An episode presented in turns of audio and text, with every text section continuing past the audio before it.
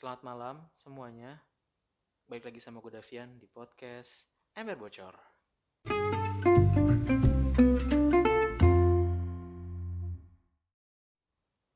Ya, selamat malam semuanya.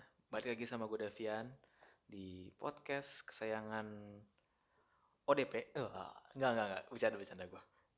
Eh, di malam ini, gue kemarin lihat di Twitter ya.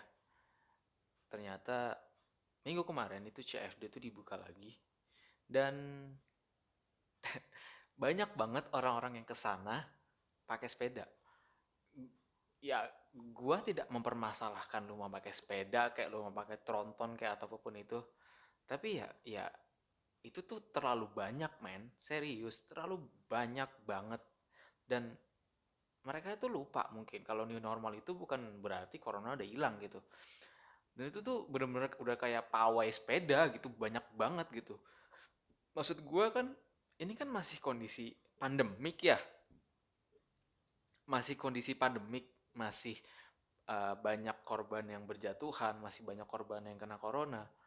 Tapi lu dengan santainya ikut CFD naik sepeda ke Bundaran HI itu ngumpul semua di situ. Maksud gue gini loh, gue tidak menyalahkan lu punya hobi baru ya dengan bersepeda, which is itu bagus banget. Karena dengan lu mulai bersepeda lu udah mulai pola hidup sehat dengan lu mengurangi emisi bahan bakar. Tapi ya mbok ya mungkin nggak semua ya nggak semua itu yang sepeda itu karena pengen sehat tapi karena ngikutin tren dan cuma pengen buat story aja sih ya tau lah gue bisa lihat kok mana orang-orang yang yang yang cuma naik sepeda cuma buat story cuma buat karena ngikutin tren aja sih. Dan teruntuk orang-orang yang baru memulai untuk berhobi sepeda pesan dari gue tolonglah jangan arogan tolong jangan sombong. Cukup pengguna NMAX aja yang sombong. Nggak nggak nggak. Bukan cuma NMAX ya maksud gue mostly rata-rata orang yang touring tuh kadang suka ngambil jalur dua jalur tiga jalur sehingga menutupi jalur yang lainnya. Jadi sehingga timbul kemacetan terus lebih uh, galakan dia bahkan kalau misalkan kita atur malah galakan dia kan. Nah untuk yang bersepeda udah mulai yang udah mulai berhobi bersepeda saran gua jangan sombong jangan arogan ketika lu bersepeda bareng-bareng sama teman-teman lu nggak masalah gua nggak masalah. Serius gua bahkan nggak peduli kan lu mau sepeda sama teman-teman lu kayak sama nenek lu kayak bodo amat. Sama PDP ODP bodo amat lah ya. Nah itu tuh kan udah ada jalurnya sendiri ya untuk yang pada bersepeda itu sebelah kiri di jalan raya paling kiri ya. Tapi ada beberapa orang-orang ya itu maksa untuk dua jalur gitu serius serius. Padahal cuma dua sepeda tapi mereka pakai dua jalur gitu. Jalur kiri sama jalur tengah. Hey hey maksud gue gini loh. Lu segede apa sih sepeda lu? Segede apa sih maksud gue gue tahu sepeda lu Brompton. Gue tahu mahal. Tapi ya masa Brompton merasa tronton sih? Di tengah-tengah jalannya lu ambil dua jalur ya lu mikir aja lah. Sekarang gini mungkin mungkin ya mungkin ya saking banyaknya nanti orang-orang yang mulai bersepeda mereka nggak sadar bahwa corona tuh masih masih mengintai mereka gitu. Ya mungkin nanti di di di di all shop mungkin kayak di OLX uh, kalau misalkan corona udah mulai banyak, kan maksudnya corona udah mulai menyebar, terus yang bersepeda juga udah rata-rata uh, terkena karena tidak adanya social distancing ataupun uh, penggunaan apa maksudnya masker gitu-gitu. Itu mungkin bakal ada sepeda yang dijual terus pakai judulnya Brompton X ODP COVID. Cah, cah, cah. Aduh, anjir gue baru mulai udah marah-marah. Oke, okay, uh, eh, malam ini di tanggal 24 yang harusnya ini harusnya gue gua gua udah harusnya gue udah rekaman dari kemarin ya. Kemarin tanggal 23 cuma gue baru bikin kemarin. Dan akhirnya gue menemukan keresahan lagi ya yang yang yang yang yang ternyata cukup menarik untuk bisa gue bahas dan gue kulik lebih dalam. Jadi eh, tema kali ini akan gue bahas malam ini adalah pengangguran dan quarter life crisis. Yo, milenial sekali pembahasannya quarter life crisis. Oke, okay. uh, pertama gara-gara corona banyak orang-orang yang harus dirumahkan, termasuk gua banyak yang menganggur, banyak yang diputus kerjanya, banyak yang harus dipecat. Dan gue sendiri pun juga gue menganggur selama tiga bulan. Serius, terhitung sejak April itu gue udah dirumahin. Dan dari April, Mei, Juni itu gue di rumah nggak tahu gue. Gue gue gue saat itu gue rutinitas gue nggak jelas serius. Gue nggak ada pemasukan, nggak ada kerjaan, cuma ngajain tugas kuliah doang, nggak jelas tiduran, main PS, udah gitu-gitu aja. Tapi ya ya alhamdulillahnya sih bokap gue kan punya toko ya terus jadi gue jaga di sana setengah hari. Ya setidaknya untuk dapat duit jajan duit beli minum lah ya lumayan. Tapi tetap sih tetap pengangguran gue juga sama aja. Nah uh, eh, gue sebenarnya paling males sih bahas bahas ini. Bukan bahas pengangguran ya tapi ada satu top ada satu bahasan yang mungkin gue males sih bahasnya. Jadi gini mungkin buat lo yang nggak tahu gue adalah uh, orang yang nggak suka diucapin bukan diucapin sih gue orang yang nggak suka dirayain ulang tahunnya. Ya serius tapi gue emang sangat sangat sangat sangat appreciate kalau ada orang yang ngucap maksudnya ngucapin ke gue tanpa gue ngomong ke dia gitu. Gue appreciate gitu. Oh artinya lu uh, inget gitu sama gue tapi gue nggak suka kayak dirayain di di di surprisein gue itu gue nggak suka sama sekali sih. Gue bukannya nggak mau. Maksud gue ya gue udah malas aja sih surprisein kayak gitu sih. Bukan nggak ada yang surprisein ya? Ya emang nggak ada yang surprisein sih memang tapi sih ya ya gitulah. Pokoknya pokoknya gue emang nggak suka aja. Emang gue udah mulai nggak suka gitu sejak gue mulai 18 tuh gue udah mulai nggak suka sih. Malas aja lah malas wasting time buat gue juga. Nah dan tepat pertengahan bulan Juni kemarin itu gue alhamdulillah bertambah umur menjadi 23 yap dan setelah gue ngelewatin uh, maksudnya setelah gue masuk umur 23 akhirnya gue tersadar gue ngerasain apa itu yang namanya quarter life crisis. Dan buat lo yang nggak tahu apa itu quarter life crisis jadi biar gue kasih tahu berdasarkan sumber yang kredibel yang luar biasa kredibelnya wikipedia.com jadi menurut Wikipedia quarter life crisis itu adalah keadaan emosional yang umumnya dialami oleh orang-orang yang berusia 20 tahun ke atas uh, sam sampai 30 tahun. Nah, biasanya orang-orang yang umur segitu tuh mereka ngerasain khawatir, keraguan terhadap kemampuan diri, dan kebingungan menentukan arah hidup. Ya, kayak nggak punya tujuan yang jelas gitu loh. Nah, makanya uh, setelah gue umur 23 ini, setelah gue lagi di umur 23 ini, gue ngerasain itu loh. Mungkin sebagian dari lu pun juga ngerasain gitu, kayak apa yang gue rasain kayak ini mau dibawa ke mana ya? Tujuan gue sebenarnya apa sih? Cita-cita gue apa sih? sebenarnya apa sih yang gue kejar nanti gue bisa sukses kayak ya di masa depan terus gimana gue bisa bahagiain kedua orang tua gue gimana nanti gue bisa bahagiain calon istri gue gimana gue bisa bahagiain anak istri gue nanti gitu. Ya itu pokoknya pikiran-pikiran yang naik pikiran-pikiran kayak uh, arah-arah yang belum jelas uh, tentunya itu tuh mulai merasuk di kepala gue gitu. Kayak gue mulai sering overthinking tiap malam gue mulai sering banyak pikiran. Ya memang pikiran banyak sih pasti. Tapi kan uh, beda kalau quarter life crisis ini lu jadi kayak ngerasa uh, lu kayak kehilangan arah gitu. Kayak yang selama ini lu kejar itu tuh di bawah umur 20 tahun tuh jadi kayak berasa gue mau ke mana ya? Ke let's say gini deh uh, lu kuliah terus 4 tahun lulus. Lulus kan pasti kan lu umur umur 21-an lah ya umur 21 nah di situ lo akan ngerasain namanya quarter life crisis. Setelah lu lulus lu bingung mau ngapain.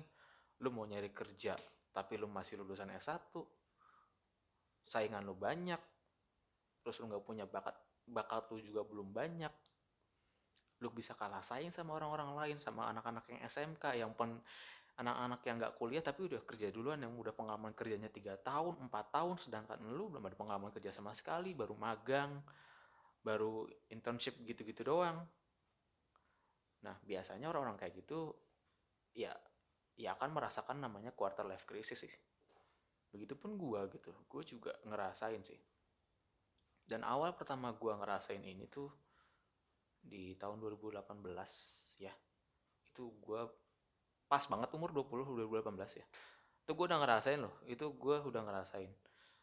Waktu itu nih ya buat yang belum tahu ya buat yang belum tahu buat teman-teman gue mungkin nggak akan bisa maksudnya teman-teman gue juga mungkin uh, nggak apa namanya nggak akan mengira bahwa dulu gue sempet punya tujuan untuk nikah muda. Di umur gue yang sekarang umur gue 23 serius men nggak bohong gue gue dulu pengen nikah muda umur 23 karena saat itu uh, eh, gue punya cewek ya di 2000 di umur di tahun 2018 tuh gue punya cewek. Itu dia anak training di tempat gue kerja. Dan gue udah berkomitmen dalam diri gue buat gue sendiri gue pengen uh, cewek ini yang terakhir buat gue dan gue udah bilang ke dia kalau gue bakal ketemu bapaknya. Dan gue akan bilang setelah lu lulus gue akan ketemu bokap lu dan gue akan bilang gitu kalau gue mau serius sama anaknya. Nah di situ tuh akhirnya gue mulai nabung kan. Gue mulai nabung gue mulai mulai mulai tabung sebagian dari uang gue dan alhamdulillah kekumpul lah ya. Hampir kekumpul setengah dari planning gue untuk bisa modal nikah. Setengahnya itu udah kekumpul which is di mana gue belum merasakan apa itu namanya quarter life crisis saat itu. Nah singkat cerita gue putus tengah jalan. Dan dan di situ gue bingung dong. Gue bingung dong. Anjir gue bingung. Ini gue punya uang yang gue saving yang harusnya untuk modal biaya gue merit. Tapi gue putus duluan terus duitnya mau gue apain? Gue bingung dong kan gue bingung. Nah akhirnya gue mampus gue di situ mikir keras dong. Anjir gue ngapain duit gue ada. Tapi kan gue udah putus saat itu. Terus ya akhirnya gue mikir gue mikir gue mikir sampai akhirnya gue kepikiran di akhir 2018an awal 2019 akhirnya gue kepikiran oke okay, fix gue akan kuliah. Duit yang gue simpen yang gue saving buat merit itu gue pakai untuk kuliah. Dan akhirnya ya terwujud gue akhirnya bisa kuliah tapi di 2020 sih. Tetap 2020 karena ya men duit buat kuliah tuh lebih gede daripada duit buat merit. Makanya ya gue saving saving lagi dong. Kadang gue heran gitu kenapa orang-orang kayak uh, sebagian teman-teman gue ya sebagian teman-teman kerja gue saat itu ketika mereka sudah dipromot uh, itu gaya hidup mereka tuh berubah drastis gitu. Contoh gini deh, sebelum dipromot uh, ngopinya di Starling, Starbucks keliling, casik. nongkrong ya kan, nongki-nongki di Starling, makan somai sepuluh ribuan, nongkrong di Starling minum minum kopi empat ribuan ya kan. Sekarang sudah dipromot, gue ajakin, eh nongkrong dulu lah kita pulang aduh gue buru-buru nih gue mau ke Pluit Junction. Cah goks. Anjir ke mall mulu. Gila gila gila. Padahal gue duluan udah di maksudnya gue bukan sombong ya maksudnya gue udah duluan dipromot dibanding dia.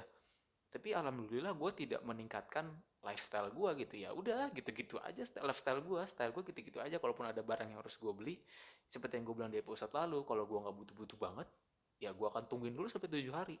Kalau emang gue butuh sampai tujuh hari gue masih pikiran ya akan gue beli gitu. Ya gue akan ya ya gue akan tetap menjaga lifestyle gue seperti itu gitu. Makanya uh, ada benernya juga sih semakin tinggi gaji lu semakin tinggi juga lifestyle lu gitu. Nah uh, akhirnya di tahun 2019 itu di akhir ya akhir 2019 gue harus memilih. Dan di situ gue bingung lagi kan. Gue harus pilih nih antara kuliah atau kerja. Karena tempat gue kerja itu agak sulit buat kuliah karena jauh pertama terus waktunya yang sangat yang bukan sangat ya yang agak kurang bisa di manajemen buat diri gue sendiri. Karena uh, gue kan kerjanya di perhotelan ya. Yang di mana sangat tidak bisa untuk libur di weekend. Jelas pasti. Akhirnya gue harus milih kuliah atau kerja. Oke okay, fix. Gue pilih kuliah. Ya udah gue pilih kuliah akhirnya. Terus tapi ya akhirnya mau nggak mau gue juga tetap harus cari pemasukan dong. Gue cari kerja yang dekat rumah. Mau nggak mau karena ya mau nggak mau gue kan emang gue udah nggak mau lagi minta sama orang tua gue juga kan. Karena gue dulu SMK kan juga dibayarin terus gue nggak mau kuliah. Gue juga udah bilang e, nanti uh, aku mau kuliah asik aku. Asik nanti aku mau kuliah uh, pakai duit aku aja ya mah ya udah terserah kamu. Oke? Ya udah gue udah bilang kan. Kira gue nggak mau minta-minta lagi. Ya gue udah umur 20 lah gila malu gue kalau masih minta kan. Akhirnya dapet lah gue kerjaan deket rumah gue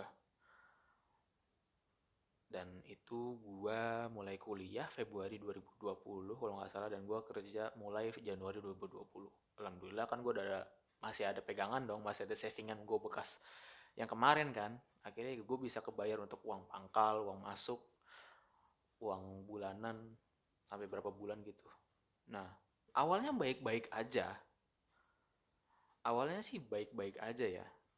Terus akhirnya muncullah yang namanya corona eh, corona. Dan pada akhirnya gue harus dimakan sampai sekarang. Dan ya terjadilah apa itu yang dinamakan quarter life crisis kedua kalinya di diri gue gue mulai uring-uringan nggak ada kegiatan sama sekali gue nggak ada kerjaan.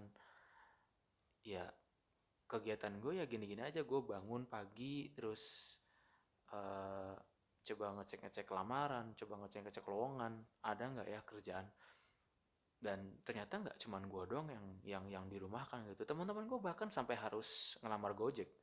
Gue sendiri pun gue sempat ngelamar Gojek tapi sampai sekarang pun belum dipanggil panggil sih. Dan kabarnya gue dengar Gojek itu uh, memutus kontrak karyawannya layoff 430 karyawan nih kalau nggak salah gue gue liat di, di Twitter. Jadi ya mungkin alasannya itu juga kali ya sampai uh, Gojek pun harus memutus beberapa uh, karyawannya untuk bisa mengimbangi saving cost gitu. Nah, uh, di fase KLC ini, uh, ya gue singkat aja ya KLC, quarter life crisis gue singkat KLC aja. Itu gue mulai banyak kepikiran gitu. Gue ini tujuan hidup gue tuh mau ke mana gitu sebenarnya. Apa sih sebenarnya yang gue harus kejar gitu. Gue kuliah, belajar, terus ya udah gue nggak ngampus kan. Masih kan gue nggak ketemu dosen nggak ketemu maksudnya nggak masuk kampus gitu nggak nggak nggak ada interaksi sama sekali gitu. Karena kebanyakan kebanyakan uring-uringan di rumah pak. Jadi gue bingung gitu gue mau ngapain ya?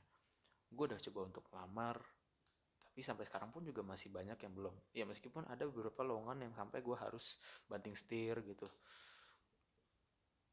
Dan gue mencoba untuk ya nyoba-nyoba nyari sih ya tetap sih memang agak susah sih mencari pekerjaan di tengah pandemi kayak gini sih. Dan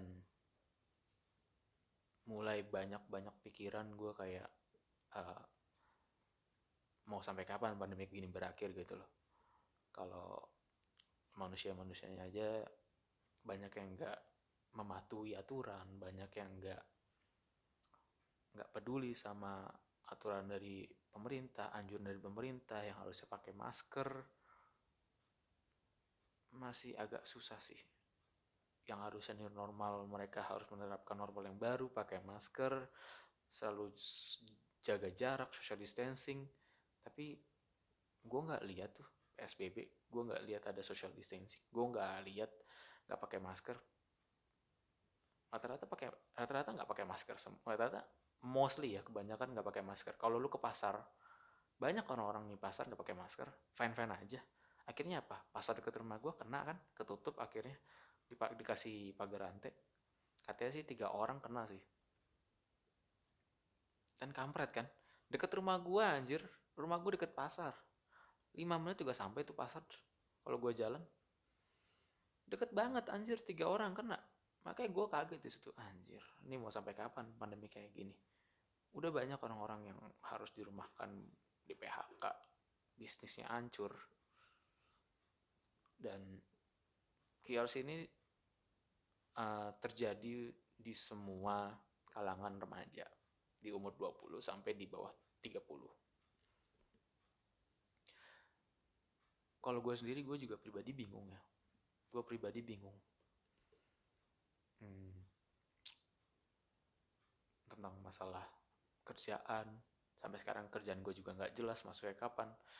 Kuliah juga ya perkuliahan gue gini-gini aja gitu. Cuman online download modul jawab kuis terus respon di forum udah. Udah gitu doang serius. Gue nggak ada manfaatnya sama sekali kuliah men.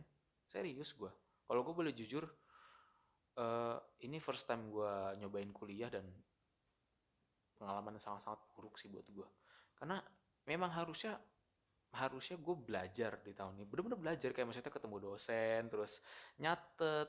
Selama gue kuliah online gue nggak pernah nyatet men. Serius gue serius nggak pernah nyatet. Cuma baca-baca modul terus ngeliat kuis terus ngejawab kuis abis respon di forum udah gitu-gitu doang gue udah. Udah gitu-gitu doang. Makanya gara-gara perkuliahan orang kayak gitu gue jadi bingung gitu. Ini sebenarnya cita-cita gue tuh mau jadi apa sebenarnya ke depannya tuh mau jadi apa gitu. Gue udah umur 23 banyak teman-teman gue yang udah pada nikah. Banyak teman-teman gue yang masih kerja di tengah pandemi kayak gini. Gue sendiri pun di rumah gue nggak tahu eh, gue nggak tahu gue mau bisnis apa juga gue bingung kan.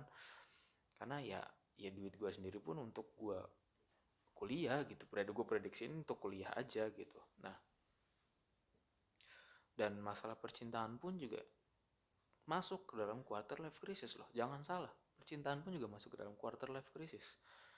Kayak gini uh, lu lu kan misalkan gue deh uh, jangan deh uh, misalkan lu punya cewek kan lu punya cewek terus lu udah masuk umur 23 umur-umur 20-an umur-umur untuk bisa ngerasain apa namanya KLC itu deh lu akan bingung gitu lu masih pengen main-main atau lu udah mau serius gitu nah makanya uh, tadi ada gue nah makanya uh, eh, gue kadang bingung gitu. Ini mau sampai kapan? Apaan sih gue ngomong apaan sih? Ah ngantur kan jadinya. Ya pokoknya gini deh uh, ketika lu ngerasain udah mulai kehilangan arah lu udah mulai nggak tahu lagi harus apa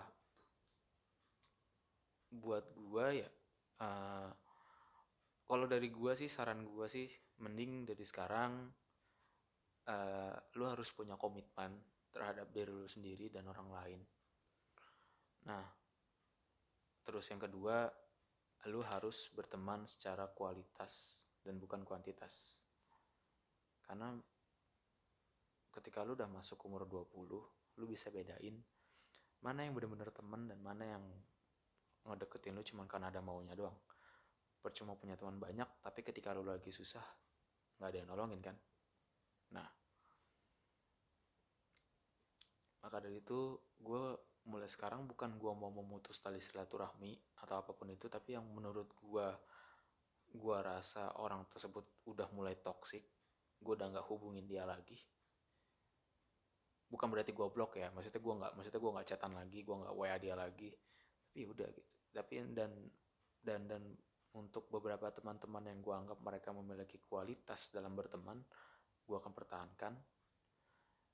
Karena gue juga butuh support mereka mereka uh, butuh support dari gue kayaknya sih. Kayaknya gitu ya kayaknya ya. Ya pokoknya gitu deh. Pokoknya uh, saling support sih. Teman yang saling support teman yang saling bantu saling tolong menolong. Itu buat gue dan yang sekarang pun gue juga udah mulai sosialisasi lagi dengan orang-orang supaya uh, eh, KLC gue nih nggak terlalu membludak ya. Nggak terlalu membludak. Makanya gue udah mulai lagi kayak untuk bisa terbuka cerita lagi sama teman-teman gue meskipun cuma lewat WA video call semacamnya. Itu itu gue udah mulai sosialisasi. Beda sama waktu sebelum corona ada corona men. Gue tuh tertutup banget anjir. Sangat-sangat tertutup. Gue dibilang introvert juga bukan extrovert juga bukan. Ambivert sih ambivert. Ambivert itu lu bisa menyesuaikan keadaan sesuai sama maksudnya lu bisa menyesuaikan diri lu dengan keadaannya. Kalau lu keadaannya lagi uh, lu dibutuhkan untuk jadi seorang ambivert lu bisa. Tapi lu, juga bisa jadi keadaan di mana lu mengharuskan jadi introvert. Ya semacam seperti itulah. Jadi lu bisa menyesuaikan diri lah. Ya, kayak kodok aja lah. Kayak kodok hewan amfibi udah gitu aja. Biar cepet anjir. Kapret nah terus uh, saran dari gua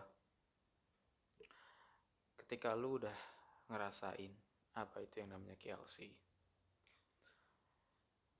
lu harus bikin komitmen sama diri lu. Lu harus bikin tujuan hidup lu mau ke mana. Ingat awal tujuan lu kerja untuk apa. Dan dan menurut gua uang bukanlah segalanya dan uang bukanlah uh, uang bukanlah faktor pembuat bahagia mungkin bahasa kerennya money doesn't buy eh money cannot buy happiness but money can rent happiness. Ya if you know what I mean lah. Anjir otak-otak kotor emang. Gak, enggak ya, enggak, saya bercanda. Nah, buat gua, ya kalau lu punya uang, dari kerja lu masih kerja nih ya, masih kerja, beruntung lah untuk kalian yang masih kerja, tetap saving sih, saran dari gue tetap saving. Saving karena di suatu situasi kayak gini tuh bener-bener genting banget dan sangat-sangat uh, apa namanya sangat-sangat kritis ya. Bahkan kalau kata orang-orang yang dulu ngerasain apa itu namanya krisis 98 yang krisis sekarang jauh lebih buruk dari tahun 98 karena kalau krisis 98 kan cuma nasional Indonesia doang. Tapi kalau krisis yang covid sekarang ini itu mendunia global. Semua negara kena. Makanya ya saran dari gue kalau lu masih kerja tetap saving. Jangan boros. Serius jangan boros. Karena itu buat nanti lu di masa depan nanti. Lu mulai lu udah mulai harus planningin nanti di masa depan lu mau jadi apa. Dan ya itu aja sih. Saran dari gue sih. Dan menurut gue apa pun yang terjadi di masa quarter life lu hal yang paling penting adalah lu menikmatinya. Lu enjoy sama itu lu, lu nikmati prosesnya lu nikmati uh, naik turunnya lu nikmati semuanya. Karena bukan hanya dilewati sih. Bukan cuma lu ngelewatin proses itu aja terus lu nggak belajar dari apa pun dari itu tuh. Lu ketika lu ngerasain masa eh fase quarter life crisis ini lu bisa belajar apa aja kekurangan lu apa aja yang bakat yang lu nggak punya apa yang orang bakat orang lain punya lu nggak punya. Lu asah lagi bakat baru lu asah lagi hobi baru. Dan itu berlaku buat gue makanya gue mulai podcast ini ya karena gue suka aja sih. Gue suka aja gue jadi bisa cerita cerita lagi sama sama sama kalian para pendengarku. Aja sudah. Ya pokoknya dengan gue mulai podcast ini sih gue jadi bisa cerita cerita lagi sih. Karena kan kita juga harus menjaga jarak ya. Makanya gue jadi jarang ketemu teman-teman gue terus gue juga jadi jarang cerita. Gue juga jadi jarang dengar cerita mereka. Gue suka tuh dengan orang cerita.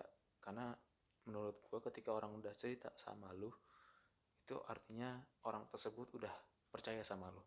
Dan nggak mudah untuk bisa mendapatkan kepercayaan orang. Dan buat gue ketika gue bisa mendapatkan kepercayaan dari orang itu dan gue jaga itu itu adalah kebahagiaan tersendiri buat gue kepuasan tersendiri buat gue dan akan gue jaga kepercayaan dia. Sampai kapan pun. Goks anjir. Nah hal yang terpenting itu dari masa quarter life lu ya itu gue bilang tadi lu mesti nikmatin. Bukan cuma dilewatin tapi lu belajar dari proses lu gimana caranya bisa melewati fase itu gitu. Lu cari tahu kekurangan lu apa lu cari hobi baru lu cari bakat lu baru lu asah bakat baru lagi. Ya terserah apa pun itu lu suka nulis tulis lu suka gambar ya lu mulai ngegambar lagi. Kalau lu suka bikin uh, apa namanya suka fotografi ya lu mulai foto-foto lah. Even itu cuma pakai smartphone kamera terus lu uh, belajar editing gitu-gitu. Dan di mas di fase quarter life ini uh, lu bisa menikmati setiap apa pun yang terjadi di quarter life lu. Karena itu adalah bagian dari proses lu gitu untuk bisa menjadi pribadi yang semakin dewasa. Dan percayalah meskipun gue belum dewasa uh, masih seumuran kalian-kalian ya um, percayalah dewasa tuh itu udah bukan lagi masanya uh, bermain-main gitu. Lu udah harus serius udah harus berkomitmen dengan apa yang lu punya gitu. Kayak lu dia kayak lu di masa quarter life ini tuh lu diajarin untuk bisa berkomitmen. Lu diajarin untuk bisa memiliki teman memiliki teman yang secara berkualitas gitu. Bukan cuma kuantitas bukan cuma banyaknya aja tapi berkualitas juga gitu. Yang nggak cuma toksik doang yang cuman manfaatin lu doang ya nggak cuman manfaatin lu merorotin lu. Nah dan di masa quarter life ini tuh juga ngebuktiin bahwa uang tuh bukan segalanya. Ya ketika lu sakit itu mungkin uh, apa lu nggak bisa mendapatkan kesehatan dengan lu uh, bayar rumah sakit terus lu bisa sehat nggak semudah itu gitu. Meskipun lu banyak uang tapi lu penyakitan. Same same. Kayak almarhum Olga Olga kan? Banyak kaya tapi sakit-sakitan ya sama aja wasting time jadinya. Jadi menurut gua kalau lu lagi ada di fase yang sama seperti apa yang gue rasakan sekarang nikmati proses itu nikmati uh, jalan ceritanya. Karena ketika nanti lu udah bisa ngelewatin fase ini lu bisa belajar banyak. Lu bisa jadi pribadi yang baru lu bisa belajar untuk komitmen dengan seseorang dengan lu sendiri bahkan dengan kerjaan lu dengan kuliah lu dengan cita-cita lu nanti di masa depan seperti apa. Jadi buat gua buat gue pribadi ya catatan gue pribadi dan buat kalian semua mungkin ya harus bisa belajar dari fase sekarang fase ini gitu fase KLC ini supaya nanti dewasa uh, seperti kayak anak labil lagi gitu. Jadi diajarin untuk bisa konsisten diajarin bisa untuk uh, buat komitmen sama orang. Gue rasa sih itu aja sih itu aja kali ya. Kayaknya bahasannya mulai ngelantur ke mana-mana anjir. Karena ya ya gini lah kalau udah masa kayak KLC begini gue jadi bingung mau bahas apa sebenarnya. Karena yang gue mau bahas tuh memang pengangguran gue sehari-hari nggak jelas gitu anjir. Bingung gue anjir sebenarnya. Ya main PS nonton TV eh tapi gue nggak pernah nonton TV loh serius. Gue terakhir kali nonton TV kapan ya? Bulan Mei deh. Gue nggak pernah nonton TV lagi anjir. Jarang gue nonton TV sih. TV sih sampah semua anjir. Joget-joget nggak jelas apa ibuku ternyata istri ayahku. Ya Allah. Blok. Banget gue nontonnya sumpah. Anjir. Ya udah itu aja. Uh, beberapa cerita dari gue saran-saran dari gue mungkin nggak bakal lu pakai lah ya nggak apa-apa. Emang saran gue emang nggak penting anjir. Ya pokoknya kalau lagi ada di yang sama kayak gue saran gue sih nikmatin aja sih nikmatin. Jangan kebanyakan ngeluh jangan kebanyakan ngeluh. Jangan kebanyakan ngeluh. Kalau lu orang yang religius ya silahkan lu perbanyak ibadah lu. Uh, kalau lo orangnya memang ambis ya silahkan lo belajar lebih banyak lagi. Cari uang banyak lagi. Jangan kayak gue enggak lah ya enggak enggak. Gue juga sambil nyari kerjaan gila. Makanya sampai sekarang gue juga bingung sih. Ya udah sih itu aja banyak bacot anjir gue lama-lama. Udah bahasannya ke mana-mana nggak jelas. Kalau kalian dengerin ini terus kalian bertanya-tanya ini sebenarnya bahas apa sih? Ya malumin aja lah. Nama juga lagi fase KLC Cah. enggak ya udah sekian. Nama gue Davian. Adios